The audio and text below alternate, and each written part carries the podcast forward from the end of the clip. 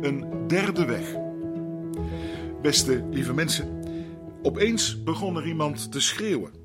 Het was een man die een kwade geest in zich had.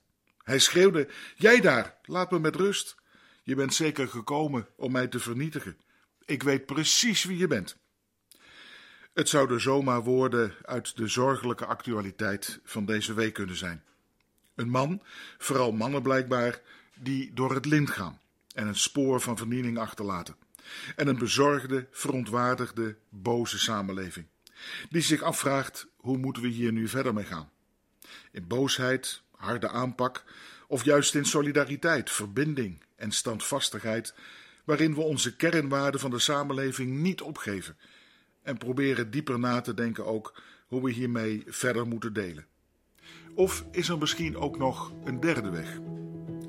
De woorden waarmee ik begon kwamen niet uit de krant, maar ik lees ze in het Evangelie. En ze staan zelfs voor aanstaande zondag op veel kerkelijke kalenders. Het kan bijna niet treffender en actueler als ook Jezus een man ontmoet die letterlijk door het lint ging, om zich heen sloeg en zich door niemand in bedwang leek te houden. Een amokmaker die zich door niemand liet gezeggen en de mensen zich afvroegen wat ze met hem aan moesten. Over de oorzaak van dat gedrag zou veel te zeggen zijn.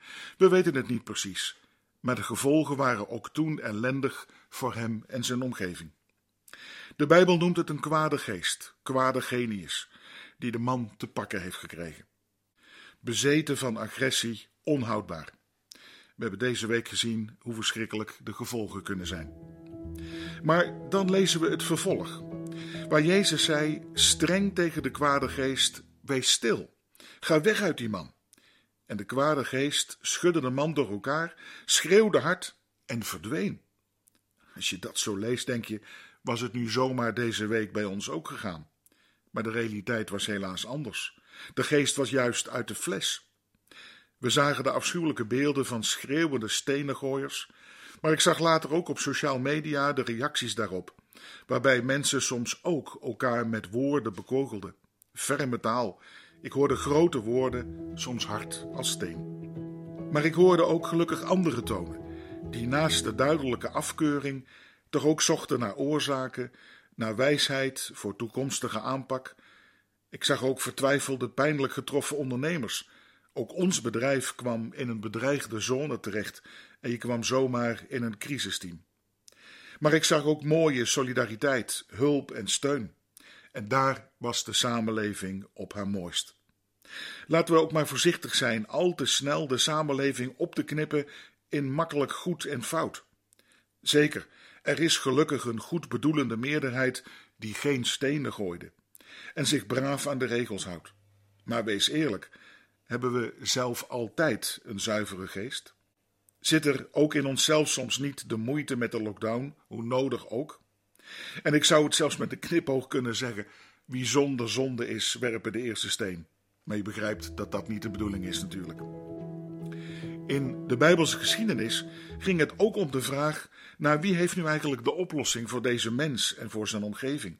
Wie heeft de goede autoriteit? En Jezus laat dan een ander soort gezag zien.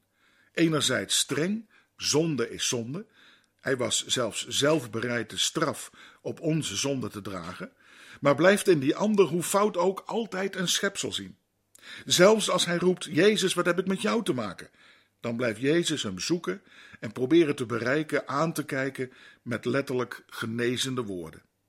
Geen steenharde, maar ook geen softe aanpak, maar een aanspreken van de ander op zijn gedrag, maar ook gericht op verandering.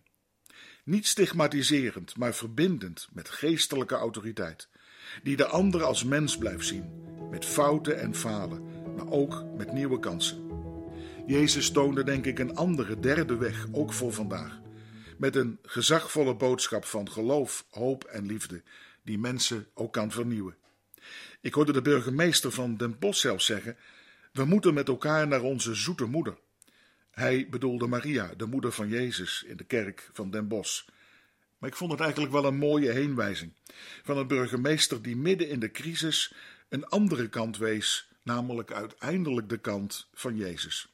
Nee, niet van zoete koekjes of koekjes van eigen deeg, maar van het zoete en zoute brood van Hem, die mens en samenleving wil bevrijden van kwade, destructieve machten, ook soms in onszelf.